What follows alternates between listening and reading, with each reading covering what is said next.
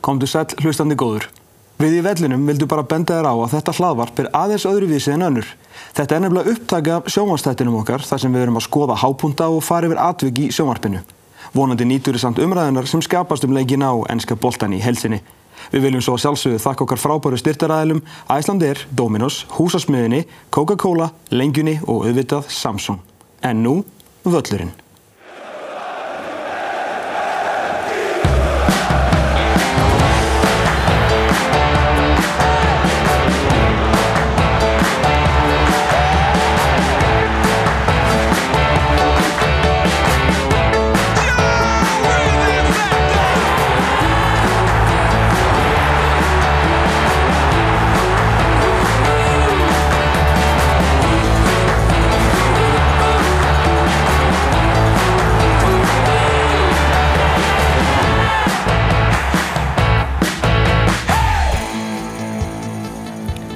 Góðan daginn kæru áhörundur og verið velkomin á völlin þennan fyrsta sunnudag september mánadar. Það eru fjórir kablar búið skrifaðar núna af 38 í ennskúrústildina á þessari leittíð og eftir þessa fjórðumferð er þetta helst. Miljardur búið farin út af kassanum til þess að kaupa nýja leikmenn en það gengur erfilega hjá Chelsea að vinna fótboltaleiki. Liverpool aftur á móti kom með glænýja miðju og það er komið aftur á flug í deildinni og það gáttu allir, já næstuði allir, þrýr allan að mjög góðir skora þrennu þar að með þess að fjörði yngsti í sögunni. Það held ég frábær fjórða umferð að baki og við ætlum að gera þetta upp hér næsta klukkutíman eða svo með Gilva Einarsinni og Eyði Smára Guðjónsson og það er ekki úr vegi að fara strax, já ragleiðis, eins og skot til Norðurlunduna þar sem að stórleikur umferðinnar fór fram að þessu sinni. Manchester United í heimsókn hjá Arsenal og eftir, já, svona byrjun þar sem Arsenal var nú klálega betri aðilinn að þá gerist þetta hér. Marcus Rashford sem skorar eiginlega alltaf gegn Arsenal tjekkar inn á hæri 1-0. Já, bara frábæðilega gert hjá hann. Þetta er klöfuleg mistök hjá Kai Havertz á miðunni. Missi bóltan skelvilega og uh, Eriksen finnur hérna uh, Rashford frábæðilega og, og, og hann er náttúrulega er ekki gerað viðskipt, séu þetta ofta á raun. Kai Havertz greiði var alltaf búinn að taka eitt vindhögg hérna inn í, í teik, bara svo mikið hitt sjöuna og svo ótt á þessa sendingu. Þetta er mikið eftir að gerast en kannski smá blóraböggull alltaf hann í uppbyggingunni. Já, í uppbyggingunni og, og Havertz maður ekki ennþá fann að sjá hvaða hlutverki hann á að gegna í þessu Arsenal-líði því að, þú veist að, ráku margir upp stóru augu þegar að hérna, Arteta ákvæmna og kaupa hann frá Chelsea og við erum ekki ennfarnir að átt á því hvar Havertz á að vera í þessu liði. 35 sekundum eftir að Arsenal tók miðjuna í þessum leik, já, dansaði liðið bara fram vinstri vangin á þess að United menna að klukka þá. Lisandro Martínez svona benda mönnum á að Öðgard væri nú laus og það er kannski eitthvað átt að hlýða þeim margum dýrskaðum.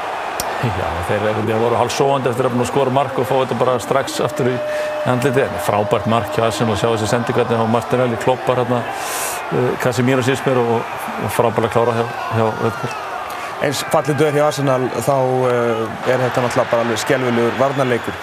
Uh, Förum alltaf leiðið því endan á leiknum því að hér held Manchester United að það væri að komast yfir á 80.800 mínútu. Svolítið búið að standa af sér storminn og Alessandro Garnaccio uh, tögði þennan inn. Hann töði inn frábært hlaup og hvað er þetta hásbreytt frá því að vera rétt staður og það er kannski ekki skrítið að við séum að spóla svona langt fram í leikin því að í rauninni var ekkert mikið í gangi hjá kóruliði. Saka búinn að fá eitt gott færi. Já, svona eitt færi, eitt og svona hálffæri einhver. United bara lokuði ágætlega á Arsenal má segja og voru ábygglega býð eftir svona augnabliki sem var tekið að þeim á lókum. Þetta er tæft en þetta er frábæðilega gert af Gabriel. Við sjáum hvernig hann gerir sér rosalega þegar stoppar hann og, og veiðar hann í, í, í námstöðum. Við erum komin á sjöttu mínútu af átta upprunlega í uppbóðar tíma þegar Declan Rice með 105 miljónir punta á bakkinu lúðráðum það í áttina að markinu, ekkert eðlilega, fyrðulega. Létti sig um svona 60 miljónir punta. Horfið aðeins á dekninguna, Hva, hvernig má þetta vera? Hvaða dekning er þetta að tala um? Það er 97 mínúta og það er bæði Declan Rice og Jesus, það er engi með þá. Þetta er ótrúlegt. Og auðvitað í Johnny Evans og framhjá í gegnum Onana 2-1 og þetta svona náði því meður kannski ekki fyrir Declan Rice að vera sigurmarkið þannig kannski ekki alveg allavega fyrir slægnunar því að þegar United var að gera allt hvaða gat undir lokin að uh, jafna metin á síðustu sekundunum að þá uh, gerist þetta hér. Þeir fóru í skyndisók og Eður Smári að þú já, það, ég get staðfesta hér fyrir fólki í landinu, þú klappaði. Já, ég, ég klappaði fyrir þessu og í rauninni var maður allan tíman að ekki skjóta, ekki skjóta og svo kattaði hann bara inn, laði hann í fjær og þá sáttu við gilvið hér, höllum okkur aftur og kleppuðum fyrir svona aðrið. Þetta var svona atvinnumannar respekt að fylgjast með ykkur tveimur slá saman lóðum yfir þessu. Þetta er, þetta er bara frábæðilega gert á hann, sér hann er rólegur og setur hann raskati og, og, og svo leggur hann í fjær. Þetta... Slagast í maðurinn á svæðin. Hann. Ónana reynda með er auðvitað einu maður. Já, 3-1 var það heilinn og Arsenal vinnur eins og í fyrra á svona loka mínúndunum þegar þeir tóku 3-2 sigur. Mjög stert auðvitað fyrir Arsenal að klára þetta. Maður veit svo mikið bara nákvæmlega hvar maður á að byrja, kannski rétt aðeins bara þýðinguna. Ef við reynum að setja þessi þrjú steg fyrir Arsenal í samviki. Því þetta eru norsku eða? Já. Nei, sko, ég, ég held að hérna sko, bara þetta hefði verið jættefni, þá hefði umræðan haldið áfram hvað Arsenal voru reynir, þeir voru ekkert sérstaklega í þessu leik, við skulum alveg, alveg hafa það á reynu mm.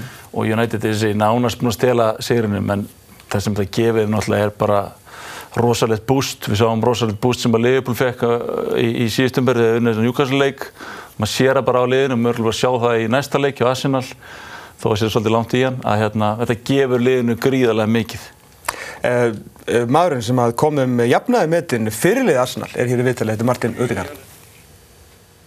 Martin, I know you're usually pretty good at being calm and measured, but the emotions right now must be absolutely spectacular. Yeah, I love it. I love it. I love to win like this. I love these games. I love to play at home. The fans, you know, the atmosphere is is unbelievable. So very, very happy and, and proud of the team as well. You know, to, to come back in the game and and to win, you know, a massive game for us. Um, so yeah, very, very happy. The roof absolutely came off at the end, and I saw you go over to the supporters after full time. What is it like sharing that moment with a, you know, like a big group like that? No, it's the best feeling in the world, honestly. Um, this is what we play for, you know, this feeling um, to celebrate with our fans, to give them something back, you know, everything they do for us, uh, how they supported us in each moment. You know, when we go one 0 down, they keep cheering and they gave us so much energy. So yeah, it's amazing to to give them these three points back. And actually, the last couple of minutes plus stoppage time felt like a match in itself, didn't it? You lost it and then you won it. Yeah, no, I was mad. Uh, don't know what happened, but we played like I don't know 12 minutes. Uh, but yeah, Gabi did so good there in the end, and uh, and I got the third goal. So yeah, it was good. And you scored a great goal, but I bet it feels about 100 years ago now, doesn't it? Yeah, it was a long one. Uh, I think all the games are like this now, you know, with the with the added times, and uh, yeah, you have to be prepared to play uh, 100 and 105 and 110 minutes, you know. So we have to dig deep every game, but uh, I thought we did brilliant today, and and I think we deserve the win as well. And I heard no.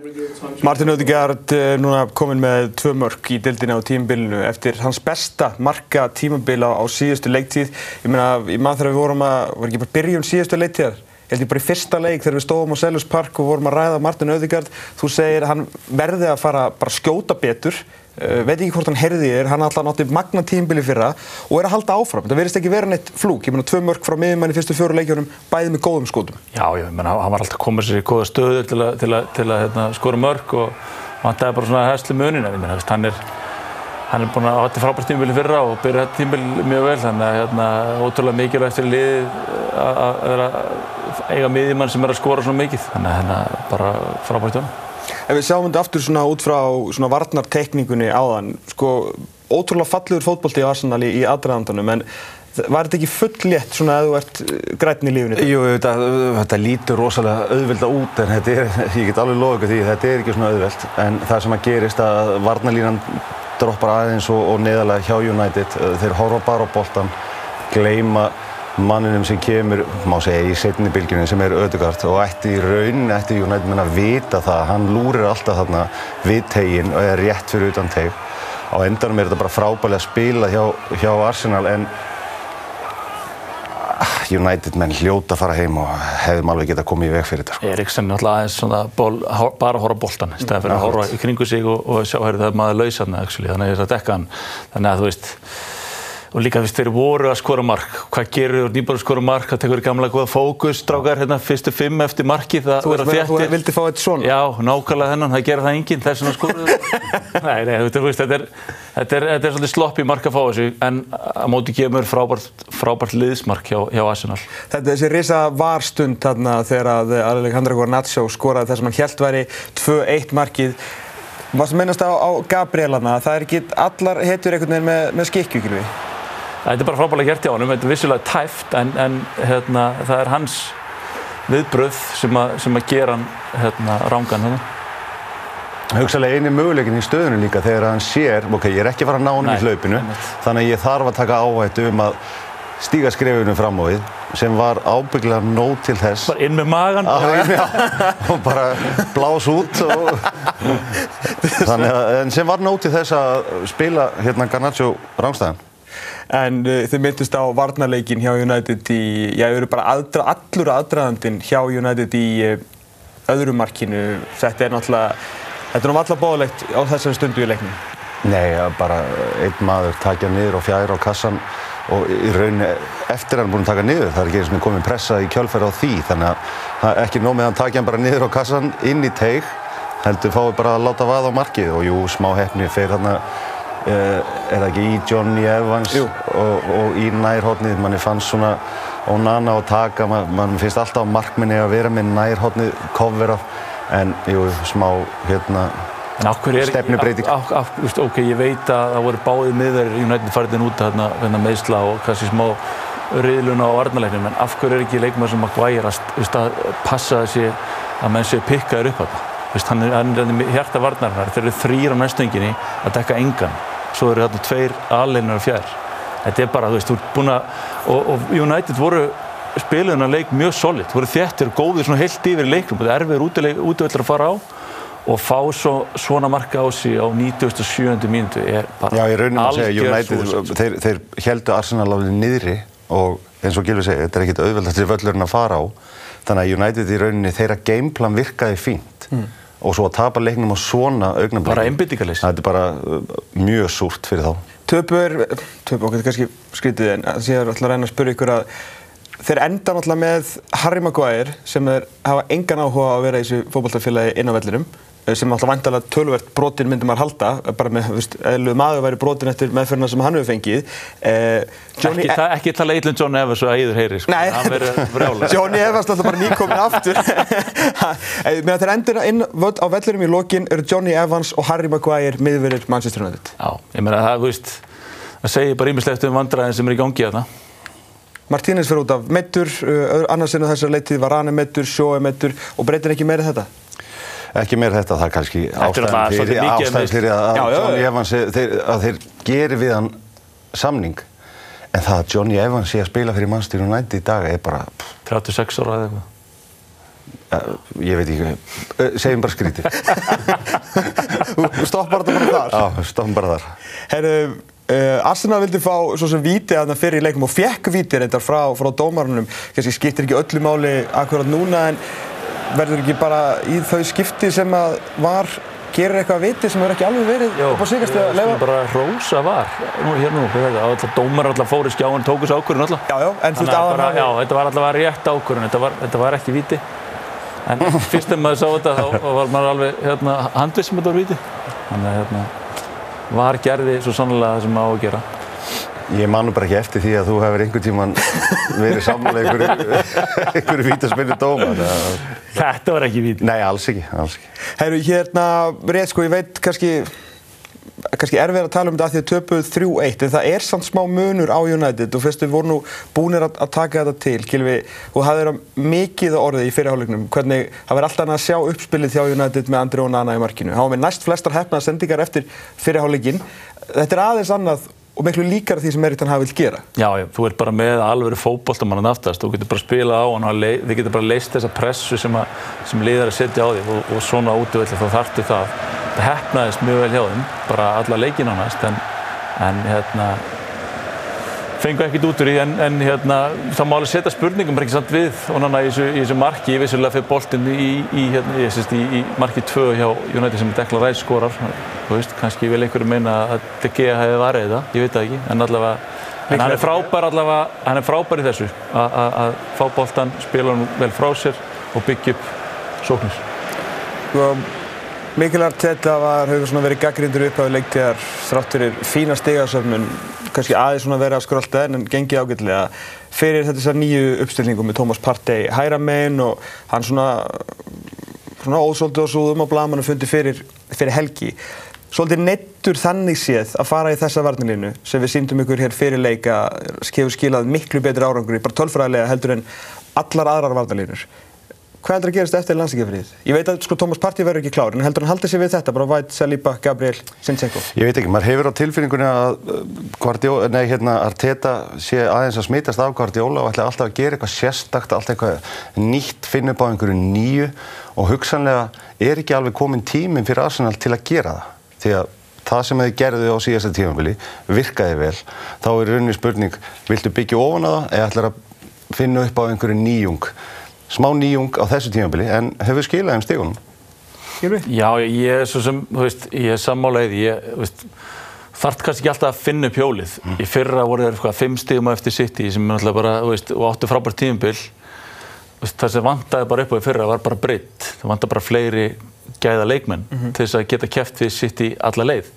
En, en hérna, ok, þú getur prófað þetta eitthvað, mögulega, menn þetta kostaði kannski eitthvað stig sem getur verið, verið, verið dýrt í, í lók tímabils þegar það fara að tella saman, en hérna, en ég held að fyrir mittleiti þá, mér finnst þér flottari svona með bara þessa hérna, afturstu fjóra og, og Thomas Partey, hvort sem hann er heitleiki, mér finnst hann bara besturinn á miðunni.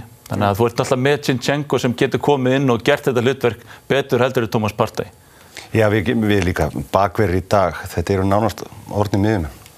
Þeir byrja uppspilið, uh, þú veist, í sinni stöðu, en svo þegar koma framar á völlin, þá eru komin inn á miðuna, þannig að í rauninni þetta er alltaf orðin bara fótboltamenn. Þetta er ekki bara miðumæður og bakverðir og varnamenn, þetta er bara fótboltamenn. Þetta er bara skota á bakverði fyrir tíma. Þetta er orðið fótboltamenn í dag. þetta er bara Þetta er bara svo, svo markmaður, ég meina vorum að ræða markmaður. Markmaðurinn er orðið bara hluti af uppspili. Þannig að þú veist, þetta er orðið bara þannig í dag. Bara rétt að loka um nokkur orð um United. Tveir sérstaklega svona Big Six leikir spilaðir, tvö töp, eitt mark skorað, er náttúrulega búin að tafa fyrir Tottenham og Arsenal, uh, Merja Ulfana, Merja Forest, uh, ekki merkilegt. Nei, ekki merkilegt, en allavega jákvæmt fyrir á dag allavega að Marcus Rashford skora mark. Og Hólind komir að staða Já, og hann bara síndi bara ágætist að koma inn á. Bara, en ég minna, þú veist, þetta er samt svolítið þund.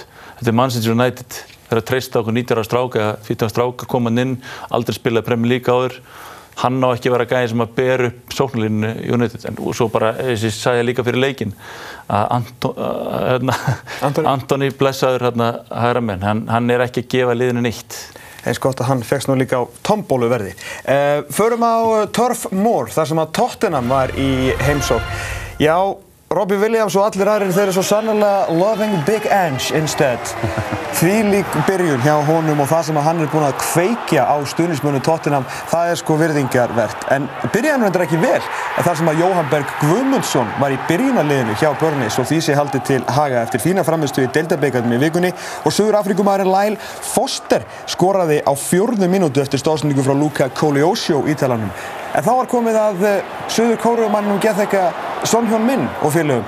Þessi afgriðsla, hugge, Já, þú fær þetta ekki frítt. Nei.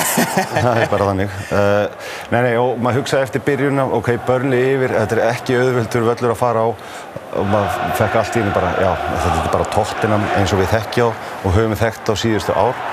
Nei, þeir komu tilbaka og komu ansi sterkir tilbaka og hvað þá, hérna, uh, Son sem bara egnaði sér leikinn. Þeir skoruðu uh, 2-1 markið á annari mínútu í uppbótu tíma fyrirháleiks og það var Christian Romero sem að, uh, ég veit, heldur hann hafi skorað svona mark áður bara á æfingu. Þetta, þetta var alveg hörku slút hjá honum. bara stöngin inn og allur pakkin 2-1 í háleik og Tottenham var miklu betri aðlinn þessi maður hér farið hamförum við upp af leiktíðar James Madison 3-1 á 54 minútu og það var í gamla daga að ef þú lendur undir á Burnley á Törf Móra þá svona fóru þeir bara tilbaka. Vincent Kompany er ekki alveg þar Son hjón minn Er ekki 4-1. alveg þar, en það kom það rækilega í baki á honum, það verður bara viðkennast. Uh, eins og segir, gamla Burnley undir Sean Dice hefði bara 1-0 yfir, þeir hefði bara pakkað í vörn. Þeir gerðu það ekki og fengi á sig fimm mörg í kjölfærið. heldur betur, ég er í Petro Porro með þessa líka laglegu sendingunar og eiginlega öll mörkin eru þú veist, það er eitthvað svona konfekt í þeim öllum. Já, bara tóttina með eru bara liðið til að fylgjast með í dag og samt kannski Breitón sem eru svona óvænt að virkilega, virkilega spila frábæra fólkvölda. Þeir skoruður reyndar annar mark, Börlumenn, Jói Berg var farin af velliðin og hann ekki að setja marksitta á þennan leik. Josh Brownhill minkaði munin, breyti því ekki að þeir voru langt um frá því að vera jafn góður og Tottenham í þessum leik sem að fór algjörlega hamförum og vann sigur 5-2 og eru búin að vinna þrjá og gera jættibli eftir þetta jættibli í fyrstu umferð. Herras... Harry Kane sé að hugsa núna, af hverju var ekki Mattisson komin fyrir Já, alltaf, sko, af hverju er ekki bara að kaupa James Mattisson ja. bara fyrir laung, eitthvað stórlega fyrir laungu síðan? Hvað, hvað er málið? Ég held þetta að sé hérna glæri Gucci bakbókin. Já, sennilega. Hann var ókæðsluður. það er bara það. Ég er sorry, sko. Herru, fyrstur um að tala um Matters. Ég meina, því líkur, því byrjun? Já, því lík byrjun og bara gæði og, og sín okkur, ok, þetta er skref upp á við á sínum ferli, fara frá lesti til tóttinam, er risaskref mm. og hann er bara að taka það eins og þetta sé ekkert mál. Hann er bara að spila sín leik, hann er bara að spila fótbolta og greinlega líður vel. Og það er ekkert oft sem við sjáum svona leikmenn fara inn í eitthvað risa hlutverk hjá nýju félagi og líða bara vel strax mm -hmm. og taka til sín mikla ábyrgð. Og það er allavega það sem hann hefur sínt í, í hérna, þessari byrjun á, á tímanbylum. Og hvena var hann bestur Gylfi hjá Lester? Þegar hann var með Prime, Wilfred Ndidi og einhvern annan þegar hann fekk aðeins voru að gefa hann smá space til að búa eitthvað til. Já, já, og hann er vissilega með góða menn fyrir aftan sig núna. Frábæra menn og bara sem að geta allt fyrir aftan hann. Hann getur fengið að blómstra í því sem hann er bestur, skapandi, hvað heldur hann er að leggja mörg, mörg fyrir Harry Kane eða búin að vera það í þrjú ári eða eitthvað. Þetta er bara alltaf, þetta er frábær leikmaður.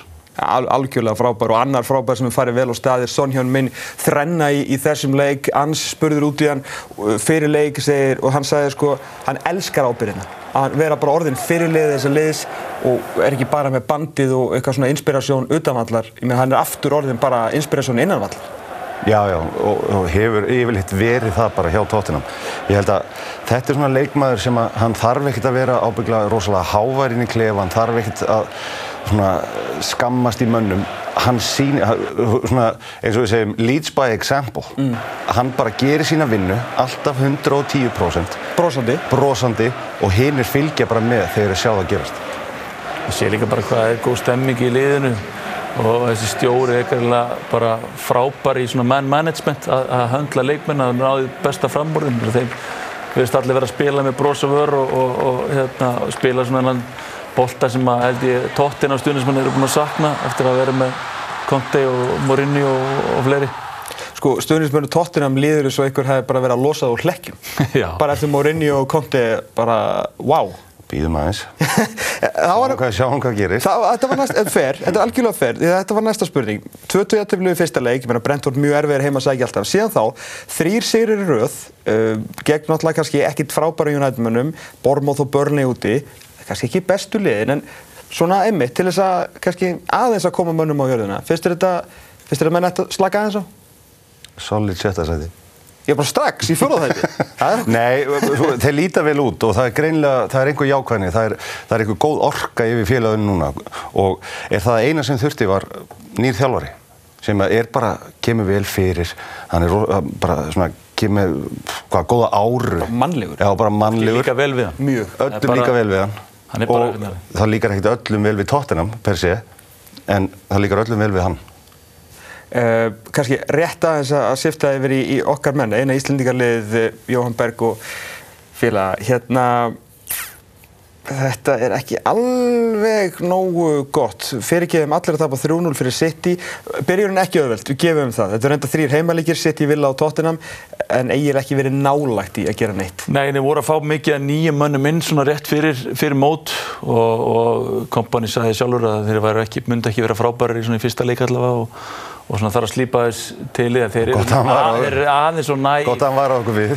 Já, já, takk fyrir það, Vincent en hérna, já, þeir eru svona þeir eru að reyna að spila sama bólta og gera þið frábæðilega í Championship fyrra það sem voru með, hvað verið, 100 stig eða eitthvað mm -hmm. og hérna, en, en, en þeir, þeir eru bara að gera svona mistök sem að liði úrvarstild er að refsa eins og grimmilega fyrir þeir eru með 0 stig til þrjáleiki mínus 8 í markatölu þeir get ekki haldið svona áfram. Þarf hann eitthvað að bakka með konseptið? Það er, svo er það spurning, er félagi sátt við að vera á þessum stað, ætlaðir að halda tryggð við kompani? Já, hugsanlega. Ætlaðir að trúa þeirri vekkferð sem að hann er að fara með lið, spila þennan fókbólta, hvað sem það kostar á að fara niður um deild eitt ára aftur og koma síðan aftur upp. Þetta er bara spurningum hvað vil félagið. Kompani er greinilega með mjög sterk að sína á hvernig hann vil spila og hvernig hann ætlar að halda þessu áfram. Það er bara spurning hvað er hann þann tíma og stuðning til að halda þeirri vegferð áfram. Ekki spurning, höldum áfram, förum til Manchester þar sem að englandsmeistararnir sem var eina liðið búið að vinna alla þrjáleikina fyrir fjórðum fyrir hann að fekk Fulham í heimsókn. Fulham án Sjá Palinja sem að þeir ætlaði að selja og hafa búin að taka mynda sér í búningi bæja munn hérna þegar Fulham sagði Nei, djók, komdu heim. Hann var reyndar ekki með í þessum leik og er auðvitað illa tilbúin í að spila fyrir þá aftur eftir að vera næstu í komin í eitt stærsta félagslið í já, sögu evrósk fókbólta. Herru, Julian Alvarez skoraði fyrsta markið eftir stóðsendingu frá Erling Haaland sem að klálega ætlaði þess að ekkert að gefa hann en allt er læg, allt er gott sem endar vel.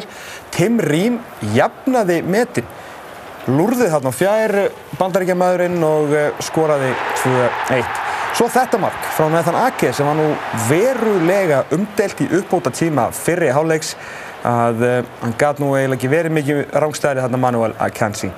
Komin í setni háleikinu, það var Erling Braut Haaland, skoraði annar marki sitt á 50.8. mínútu, staðan orðin 3-1 og þeir uh, já, voru töluvert betri í þessum leik eins og svo oft áður. Og þeir heldur áfram að skora og þetta var alveg svakaleg gungumferð í garðinum þessi setni hálfleikur hjá þeim, Gilvi. Heldur betur, þeir voru slagir fyrir áleik, það er svona full rólegir með við, við þeirra standard og, og ég sé, voru alltaf hefnir að fá þetta mark, þess að gilt sem átti aldrei að standa, en í setni hálfleik heyrðu þeir yfir fúlam og, og, og verðskulduð sér.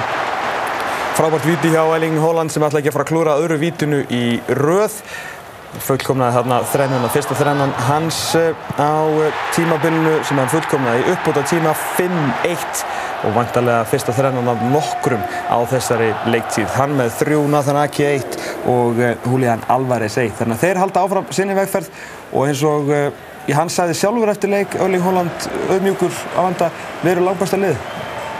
Og þeir eru það, hann var ekkert að ljúa neina þar. Ég er ansið hættur um að þetta verði bara sitt í og, og restin í einhverju annari keppni heldur en, heldur en þeir.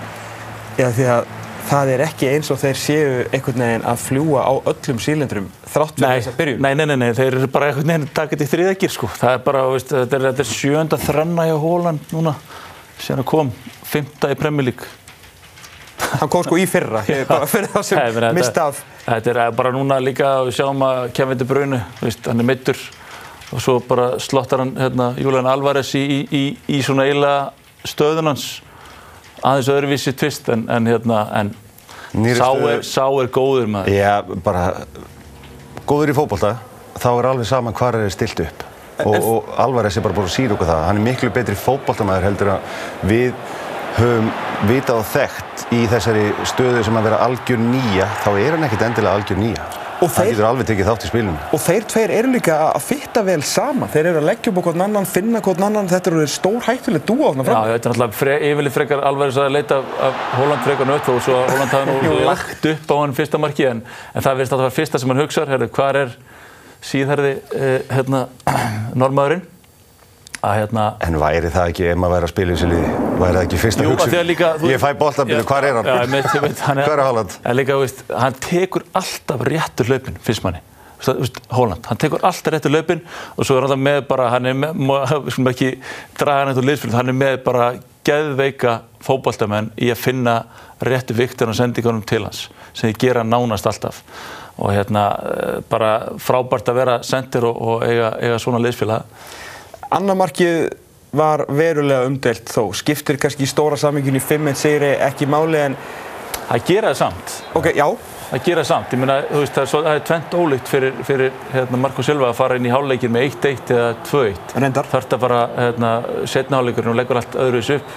Þannig að þú ert sammálað þessi... Já, þetta skiptir miklu máli. Ég er ekki að segja að fóla með unni leikin eða eitthvað slíkt. En og ert á því að þetta sé rángstæða? 100%. Já. Hann alltaf er, er, hefur áhrif á, á hérna, Leno hann er langt fyrir innan, þannig að já. Ætla hann hafi bara verið að þið fáum aldrei að sjá skjáin hjá hann, ætla hann hafi bara verið að horfa á Friends? sko, ég er ekki alveg sammála. Heldur að Leno gæti hann ekki bara varið þetta hvort sem er, hvort sem að Akanji er þarna fyrir framann hann eða ekki. Jú, það Hann fer í máli. hópni, hann fer á um hann hefur leið og á þetta. fer af stað. Já, en jú, ég alveg, alveg rauk fyrir því Ég að hann á að verja þetta. Hann á bara að verja þetta. Sama hvað, hann ámæli bara að fara eftir boltan svo ef hann fer í hérna, manni fyrir framann, þá getur ekki það gert vir- Svo fyrst- kemur ákvörðun. Já, en, en það sé svo mjög skrítið að þeir hafa ekki ákveðið, herru, ef ekki skoðið þess betur eða alltaf dómar alltaf að meta þetta bara, ég skil það ekki En fórlán getur vantilega hugað sér við það að það er afsökunarbeini nummer 6 á leiðinni. Tökum okkur stöða pásu, komum tilbaka með restina af vellinum eftir augnablík.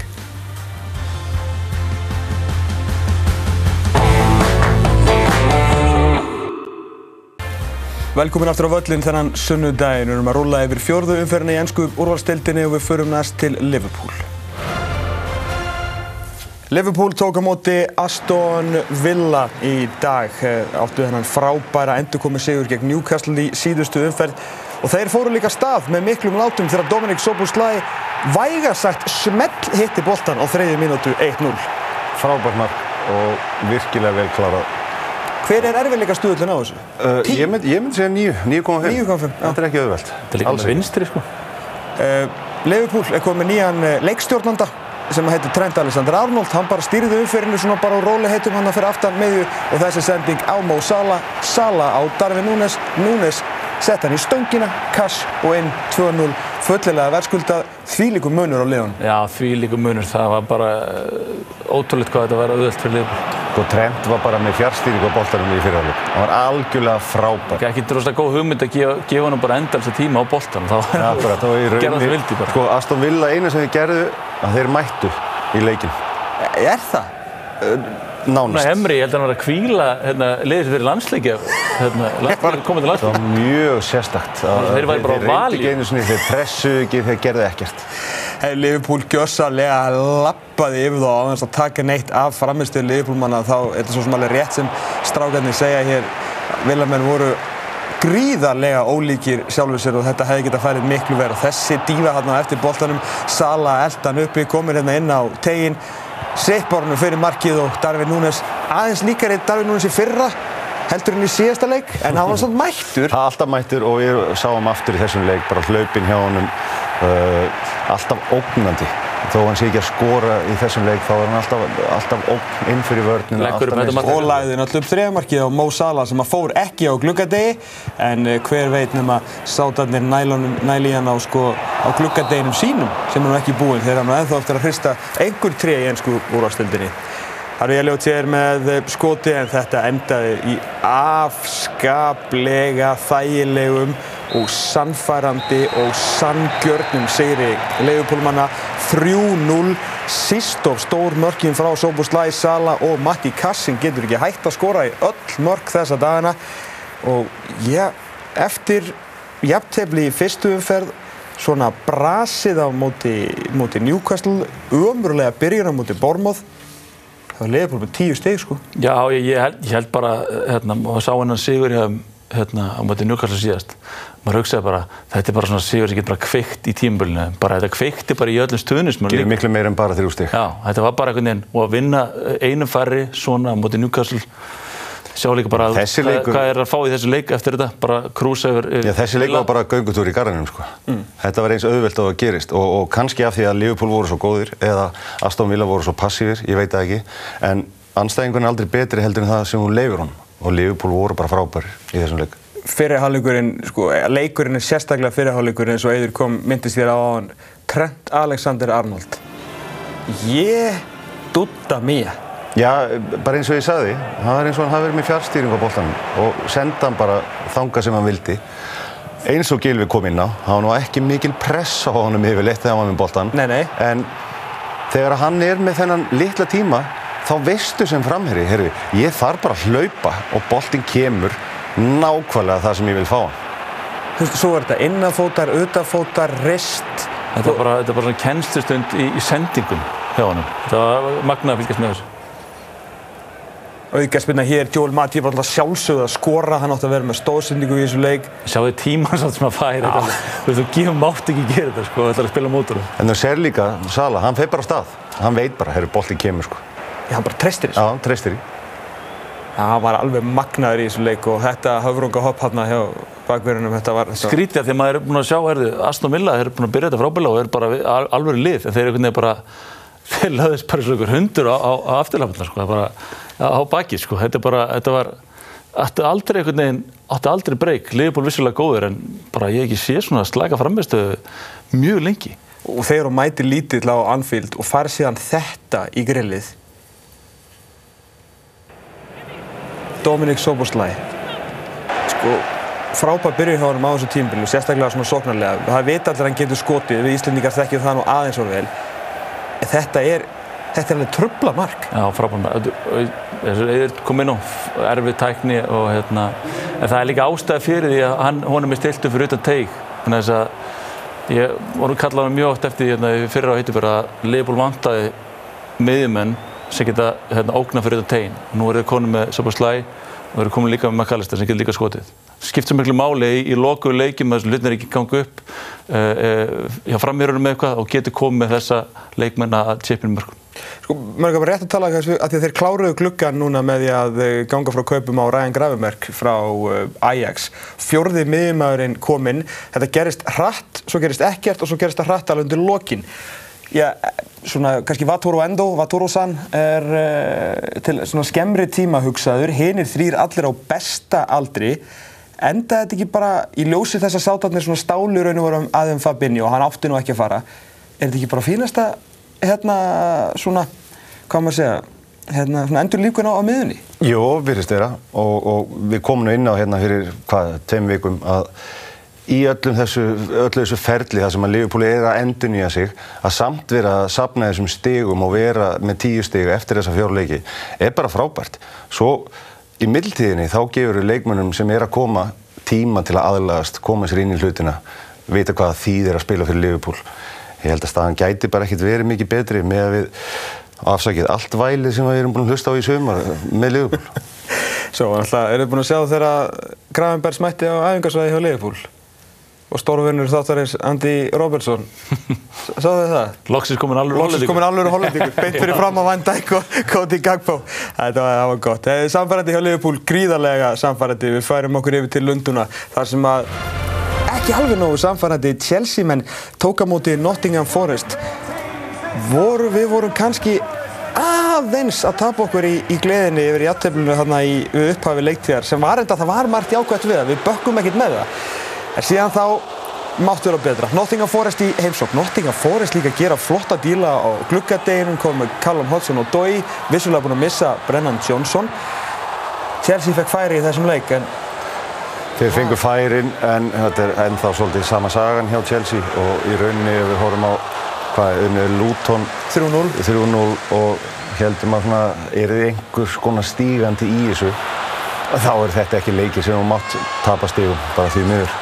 Nottingham Forest skoraði það sem átti eftir að verða sigur markið. Fyrrum United maðurinn, sænski landslismadurinn Anthony Elanga kom inn á í lok fyrri háleiks og skoraði á þriðju mínúti í þeim síðari. Ég ekki beisinu varnarleikur hjá Chelsea. Heldur betur ekki. Kloppaður. Bara sendi hvernig þetta er vel gert hjá hann. En hérna, vel gert hjá, hjá Nottingham Forest. En, en Chelsea er bara svo brótættir. Þetta er, ég Hvað er þetta að skora hana? Það færi verið náttúrulega nýta og ætla að gera eitthvað í þess að deilt en, en hérna en þetta er svona þetta er, þetta er unglið og þeir kaupa mikið ungu leikmannum en þeir, það er ekki bara hægt að kaupa kaupa efnilega leikmann þú, þú verður að hafa einhverja leiðtúa í þessu liði. Og staðinni núna þá vantæði leiðtúa og þetta er bara einhvern veginn höfulis hér finnst manni Nottingham Forest 24% með bolta 0,76 í XG en það döði samt til þess að vinna 1-0 en þrátt fyrir allt saman þá hefur þetta geta klárað þetta eða hefur nýtt eitthvað þessum færum. Sko, eður Nicholas Jackson er hann alveg eins og Didi Drogba fyrir utan að skora aldrei?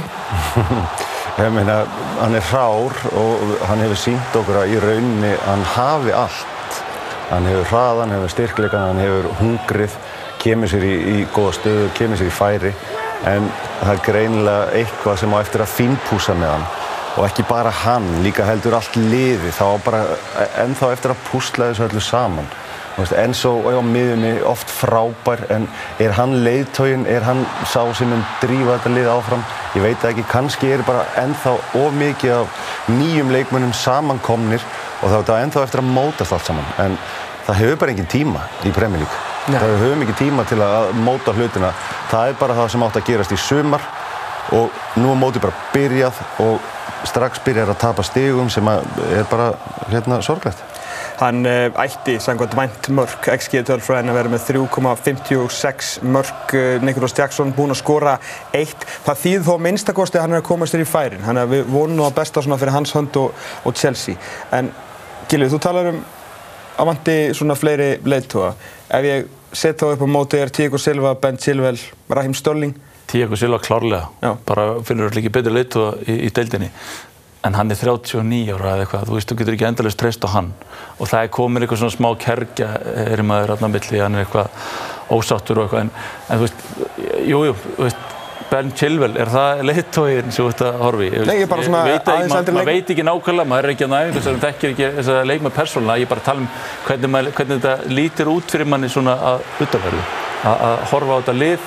Mér finnst það bara að vera svolítið svona mikið af einhverju leikmönnum, hæfileikaríkum leikmönnum og sem af og til hitt á daginn sem þú getur verið frábærir en stöðuleikan þá þarftu að hafa hérna, karaktera í liðinu sem að drífa þetta áfram sem stjórnar klefanum eður heldur þessi gamari klefanum en það bara svona, þú veist, þetta er Ég, ég held að það er, þegar það er svona mikið af nýjum andlitum þá er svo erfitt að móta þetta allt og, og koma öllum uh, saman og hérna svona fá alla til að ró í sömu átt. Þú Veist, uh, við sáum Kassett og það er eins og hann spili með vermiðan á bakinu í þessu fyrstu leikjum fyrir Chelsea. Hann mun vera frábær fyrir þá. Ég er 100% samfæri um það. En allir þessi hlutir, ef þú ert í þessu mótunaferli og ert með svona mikið af nýjum leikmannum, ef við tökum Liverpool, þeir eru á meðan þeir eru að móta sitt lið aftur, þá eru þeir með tíu stig. Chelsea er ekki með það. Og þá allt í innum fyrir maður að hugsa, heyrðu, þetta gæti orðið miklu lengra ferli heldur en við byggust við. Chelsea, sko, segjum við myndi bæta sig um sex sæti, það væri samt sjötta sæti. Þú veist, það sem meina, þú veist, gæti þetta bara verið aðeins Já, þeir- lengri í þá. fjóri leiki búnir samt Já, ég segi bara- Fjóru leiki búin, en, en ég- serðu Chelsea vera í topp fjórum? Ég sé bara Ekki séns, sko. nálægt í sko, ekki nálægt í því miður og ég meina og, og hvað ætlar að gera? ætlar að fara að reyka svo stjó, annan stjóra? Þetta gengur ekki upp, veist, haldið bara tríða, leiði honum að koma uh, sínu liði í gang og, og, og henda ykkur mút og fá fleiri inn. Það er alltaf vantar ekkert peningana Og vantar ekki leik- í rauninni vantar heldur ekki leikmenn. Nei, og leiðum hann að smíða allavega sitt lið og leiðum hann að kynnast leikmönnunum. Hann er ennþá bara að kynnast leikmönnunum sínum. Algjörlega samanlega. þannig að veist, þetta tekur tíma. Ef að mörk eru einu mælikvarðin á skemmtun í fótballtaleikjum, þá er Brighton og Háf Albion lang skemmtilegasta liði í ennsku úrvarsdeildinni. Og raun og verið sögu ennsku úrvarsdeildarinnar síðan að Roberto De Serbi mætti. Nokkuð lánlausir njúkastlumenn mættu langa leið úr norðurinu söður að strönd, þar sem að Brighton tók á móti. En Brighton tapaði síðasta heimaleik gegn Vestham frekar illa sem var leiðið tilbaka á þá og eh, þeir fengur ekki mikið að gera. 3-1 En talandi um að svara fyrir sig og koma inn með krafti. Nei, bara, ég elska þetta breytali. Það er bara svo gaman að horfa alltaf, alltaf á. Svo jákvæðir alltaf í, í sinni nálgun á hvernig þeir komin hóptali. Saga þessa leiks var, jújú, jú, mistök, eh, mistakar röð þannig aðdraðanda þessa marks og Nick Pope auðvitað að gera betur, ekki góð vika fyrir hann, Gary Southgate búinn að henda honum úr ennska landsliðinu í bili, en hinn 18 ára gamli Evan Ferguson skoraði fyrsta markið á 27. mínútu og þannig var staðan í hálfleik. Evan úr Mýð Síslu í uh, Írlandi, frá Írlandi, skoraði annar markið sitt og annar mark Brighton á 60.50 mínútu, ansi vel tekið þrjóttur að hann fekk nú svolítið mikinn tíma í þetta sem að tala um hann að sjálfsögja hér eftir Ekki fimm, sko, fótavinnun er ekki frábær hjá Nick Pope hann er, það var skrítin í, í þessum leik. 2-0, breytist í 3-0 5 minútum setna þegar Kæru með Tóma afhendi Evan Ferguson boltan, hann sett hann í Fabian Sér og það er í netið og leðilegast að nefnd í heimi markanemnd ennskúrústeldarinnar ákvæm að gefa honum þetta, þú er eins gott. Manni blöskrar alltaf þegar þeir að gefa einhverju mörkin. ég maður alltaf jafn hissa. Já, alltaf jafn og vinnur bara við að taka mörg af mann Akkurat. Sem að þú veist, þetta er náttúrulega bara spurning um peninga. Herru Calvo Wilson kom inn og gerði það sem hann gerir þegar hann er inn á fótballtavellinum og skoraði eh, eitt mark minnsta kosti þáttur hann fái nú ekki margar mínútur þessa dagana hjá Eddie Howe. Brighton svaraði fyrir sig með 3-1 sigri eftir tabi gegn Vestham og meðan Newcastle er búið að tapa núna eh, þremur í röð eftir frábæra byrjun á leiktíðinni. Já, máarnir fljúa svo sannarlega hátt þessa dagana og fyrirsögnuna í þessum leik tók Evan Ferguson. 18 ára, hann verður 19 ára í november. Hann var geggjaður í þessu leik og sínd okkur eiginlega allt sem við erum búin að fá svona sjábrot af síðasta árið eða svo. Og maður setta það saman í sína bestu framistuði. Já, já, og ég held að þessu mikið og lið horfa til Brighton þegar það vesla leikmann, þá held ég að þessi gæði sé ekki til sölu. Nei, það var eina í gæðin sem nei við í sumar. Já. Bara þeir sögðu ekki síman. Það er ástæð fyrir því. Og þeir seldu sko Kajsedu. Þetta er í, í rauninni í fyrsta sinn í langan tíma það sem ég hugsa, þetta er bara nýju veginn Rúni. Það er Kom, svo. kom upp hjá, sem kom upp hjá Everton, Já. þetta er bara þeirra, Rúni. Hann er með allt, hann er með styrk, hann er með hraða, hann, hann klárar, hann skora mörg og þetta er bara demantinu þeirra. Já, þetta er, þetta er svona remember the name, hérna, dagur. Já, ekki bara dagur, hann mun sína okkur það bara til framtíðar. Já, hann er sérst fjórði yngsti leikmann í sögunni til að skora þrennu og eftir Michael Owen, Robbie Fowler og Chris Bart Williams heitnum sem að fjall uh, frá í, í sumar. Herru, hérna, auðvitað var þetta flott hjá Brighton en mörkin sem að Brighton skori í þessu leik, ef við horfum á þau frá Newcastle sjónarhóðni, þetta var hræðilegt og sjáu þið mistaka röðin í aðdraðandar. Hvað er í gangi hann ekki? Já, bara Nick Pope náttúrulega með hræðilegt, hræðilega sendingu þarna. Lélir hreins og Tónali, þetta er svona rauð mistakar sem segir. Tónali, lélir hreinsun í honum, Nick Pope missar frá sér, auðvelt mark fyrir Svo hér, öll miðjan á- á Þetta er rosalega, þungt hjá Newcastle. Þetta er þrjú steg eftir, eftir fjóra leika, leiki. Það er svo, er svo velgengni síðasta tímbils, setja eitthvað í þeim núna, það er meiri press á þeim að standa sig. Þetta er ekki lengur þetta óvænt þessu voru á síðasta tímbili. Þannig að þeir þurfa eitthvað aðeins að- að að- að fara að létta á Of góð úrslit í fyrsta leik, Já. gæti verið. Já, ég meina, Sör Alex Ferguson sagði að besta liði í fyrstu umferðinu hefði verið Aston Villa, þá kannski menn var að spá hvort hann væri aðeins farin að skarka svo gamli, sko. En, hérna, en þið sjáu hvað var að gerast þarna. Miðjan, einhvern veginn alltaf framalega enginn að hjálpa vörninni og varnarleikur Newcastle, ef við sýnum ykkur þetta bara í tölum. Sko, fyrstu 20 leikirnir og síðustu leiktíð heldur 12 sinnur hreinu, fengi aðeins á sig 11 mörg, 10 skot fengið á sig með 83% markvörslu frá Nick Pope. Síðustu 21 leikur, sí, lokar Nickur á síðustu leiktíð og svo byrjunum núna, þetta er bara svart og hvítt. 26 mörg gegn 11, miklu hærra XG á sig, þeir eru samt að fá þessi farri skot og Nick Pope veri ekki neitt. Já, og mér finnst líka sko, eh, mér finnst líka mistök að selja leikmann eins og Maximann, Alasett Maximann, okkar mann. Bara svona, hann er svona allt öðruvísi gæði sem getur komið inn, sprengt upp leiki, býða um eitthvað allt annað heldur jú, vissulega er Harry Barnes líka mjög góð leikmaður og skemmtilegur, en það er svona, gefa um eitthvað allt annað. Mér finnst Newcastle eða þetta halda í hann og, og hérna, bæta svo við sem er bara að gera ákveðlega, en þeir vantar svolítið breyti fyrir líka. En svona, veist, þetta er svona, það er svona þingslífið í, í, í, í byrjun tímpils. Svona Newcastle menn voru að vona að þeir getur fengið ágæti start, erfið byrjun, veist, erfið list þeirra að spila við, áður en allt álæði kemur, en að fara inn í landsleikjafrið með þrjú steg af 12, svo er bara AC Milan, Dortmund og PSG á leiðinni, sko. Já, ekki nóg gott og, og enga veginn byrjunum sem við ka- kannski áttum vona frá Newcastle með við það sem þeir sínd okkur á síðasta tímambili. En, og, og í þú horfir á hópin hjá þeim, þrátt fyrir að hafa mist eitt fór leikmenn, þá ætti hópurinn og liðið að vera betra enn í fyrra með að þeir eru búin að styrkja sig. Þeir eru með, þú veist, Antoni Gordon sem kom jú, þú veist, um mitt tímabil en ætti að vera orðin, vera búin að aðlagast, þú ert með Tonali, þú ert með alls konar Harvey Barnes. Harvey Barnes. Þeir ættu í rauninni að styrkja þetta lið en á þessum tímabúndi erum við ekki að sjá það ennþá. Já, þetta er ekki, þetta fyrir á hjá þeim, en Brighton aftur á móti alltaf jafn öflugur undir stjórn Roberto Di Serbi. Ef að kera, ég ræst eina mörkunum frá helginni og við byrjum allir á föstaskvöldi. Kenilworth Road, hann er klári í slægin. Þessi demantur rétt fyrir utan uh, Lundúnir í Luton. Klár, hafið þið spilað þarna þrókar eða? Uh, já, ég held ég að spila það ekki. Eftir, eftirminnilegt? Nei, ekki mjög. Ég man bara, ég man bara, sko, ég man bara, herru, þetta var mjög lítill völlur í Championship, sko, hvað þá í úrvastild. Þetta er bara, já. En allavega, Allavega. randu upp. Þeir eru komnir upp og gaman fyrir þetta að fá þetta er hérna, nýjasti völlurinn og sem minnsti í sögu Premier League. Herru Jarrod Bowen komum yfir á 37. mínútu og talandum að byrja vel. Það er bara 10 steg að 12 hjá vestan, dansandi inn í næst ekki frið. Og það er akkurat málið. Ég meina, uh, þetta er ekkert ósvipu saga og Newcastle síndi okkur á síðasta tímambili. Vestham endaði tímambili vel, heldur því áfram inn í þetta tímambil. Öfugt við Newcastle. Já. Og, og er hægt að hrósa Kenny Moyes eitthvað meira. hann er alltaf kemur hann sterkur tilbaka. Þetta var Kenny. Nei, hérna David, David Moyes, sorry. Rósum satt Kenny. Já, Kenny. Kenny er, er er geggjaður. ekki bæði bræður og, pappas heita Kenny held ég. En, nei, David Moyes segir því að alltaf þegar hann lendir undir pressu þá næri hann í úslit og núna er allt í einu siglar inn í þetta tímambil sem við erum ekkert vanið að sjá vestam í þessari stöðu eftir fjóra-fimm leiki. Við sjáum líka að það var bara mjög líklegt að hann myndi, hefði, hægt. Það var svo ósáttur þarna fyrir tímabilið. Bara kortir í mót. Sjáum líka bara hans hæfileikar að- sem, sem mótivatorinn í hópin. Þannig að leikmenn vilja spila fyrir hann. Frábær byrjun hjá uh, Hömrónum. Brentford tók á móti Bormóð. Gengið erfilega hjá Bormóð að vinna leiki hingað uh, til. Gera svolítið af jafnteflu.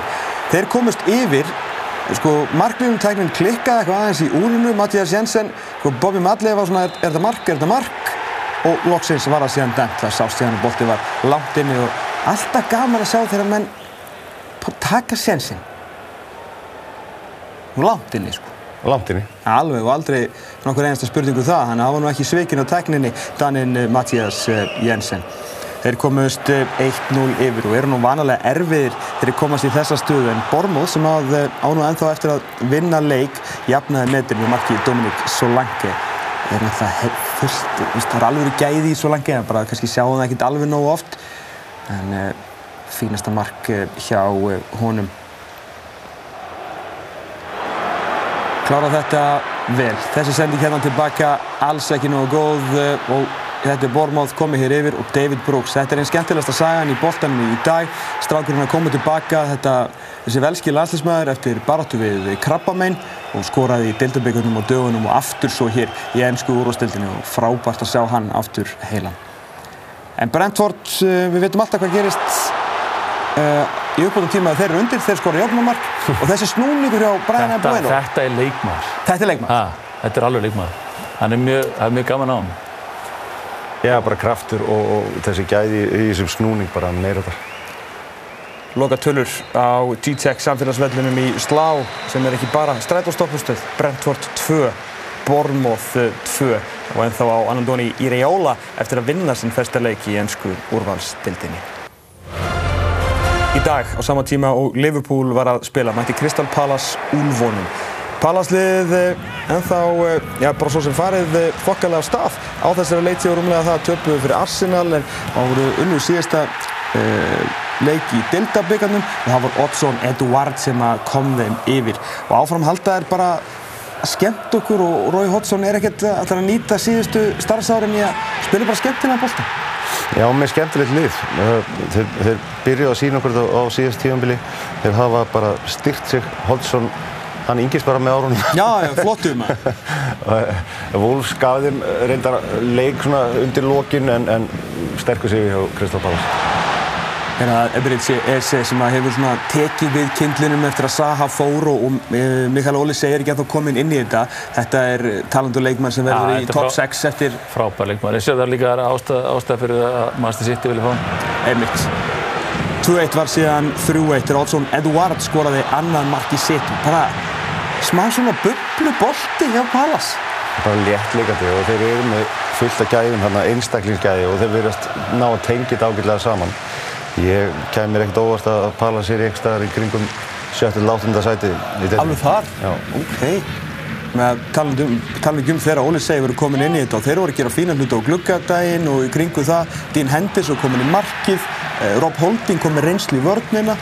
Þeir eru nokkuð klókir á markanum. Mathias Cunha minkaði munin í 3-2 en þar við satt og Pallas með fínan heima sigur gegn Wolverhampton Wanderers. Í háttegin í gær fóð fram eh, leikur liðana sem voru ekki búin að vinna.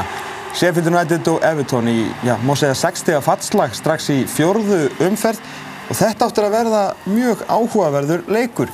Þeir eru búin að köpa nýjan 30 miljón punda frammeira sem heitir Beto og hann svona hálfpartinn læði upp þetta mark fyrir Abdullahi Dokore. Fyrsta mark Everton. Lengi voru á sumum.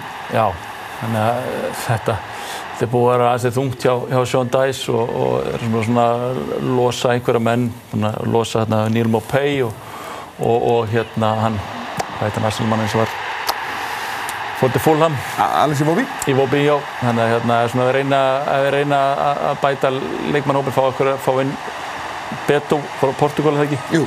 Þannig að hérna, ætla að gera eitthvað. Cameron Archer jafnaði metin á 33. mínútu og síðan í uppbóta tíma fyrri hálfleiks að þá var það Jordan Pickford, skemmtikrætturinn sjálfur, sem að lendi í þjólanni að fá boltan aftan í bakið í stöngina aftan í bakið. Og skallið á. Hæ? Var það ekki kallið á hann? Skallið? Já. Já, svona. Hamraði. Svona, þegar ég sá þetta þá hugsaði ég, þetta gerist fyrir lið sem er að falla. Já. Já, ég... Og, og því miður held ég að þessi... Hann áttur reyndar eftir að bæta, bæta fyrir þetta en bæði þessi lið verða sko. að slást um það að halda sér í deildinni. 100%. Arno Danjuma skoraði á 50.50 mínútu og hann er nú að reyna hvað hann getur. Áttur náttúrulega að skora í síðasta leik, skora í deildabíkarnum, líkt og beto. Þetta er alveg leikmaður. Hann, ég, já, hann áttur að skora vilt á hann. hann á eftir að ræða hann. Og eins og Gilvi segir, á 99. mínútu, 9. mínútu upp á þeim tíma, Jordan Pickford með því lík til fyrir varðan upp í slána og varðan svo bara með enninu. Þannig að ég restinni, sjáu þetta hér. Þessi markværsla hér og svo fyllt á eftir bomb. Þetta er cool. Fyrri varslan er náttúrulega bara í algjörum hæsta gæðaflokk. Uh, Seinni varslan, já, bara Það var alltaf alltaf marki sem hann fær á sig, alltaf bara ótrúlega óöfni. Já, ekkert annað. Er sko. ekkert við að gera. Þannig fórum sjóferðu þá. Hefur þá sjá uh, umferðina. Svona var þetta af tíundum fyrir kláraðist frá förstu degi til sunnundags. Arsenal með hennan frábæra sigur, Liverpool áfram á sigurbraut, Brighton aftur á sigurbraut, Chelsea tapaði og City vinnur alla leikina.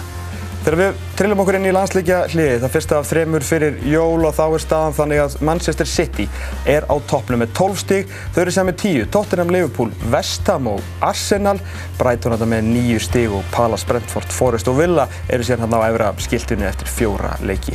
Manchester United í 11. sæti, Chelsea með 4 stíg, Newcastle 3, þetta eru svona liðin sem á kannski valdi eitthvað mestu vonbriðum við upp af leiktíðar, en Luton og Burnley Everton og Sheffield United og Bournemouth, já, það eru fimm lið sem eiga eftir að vinna leik.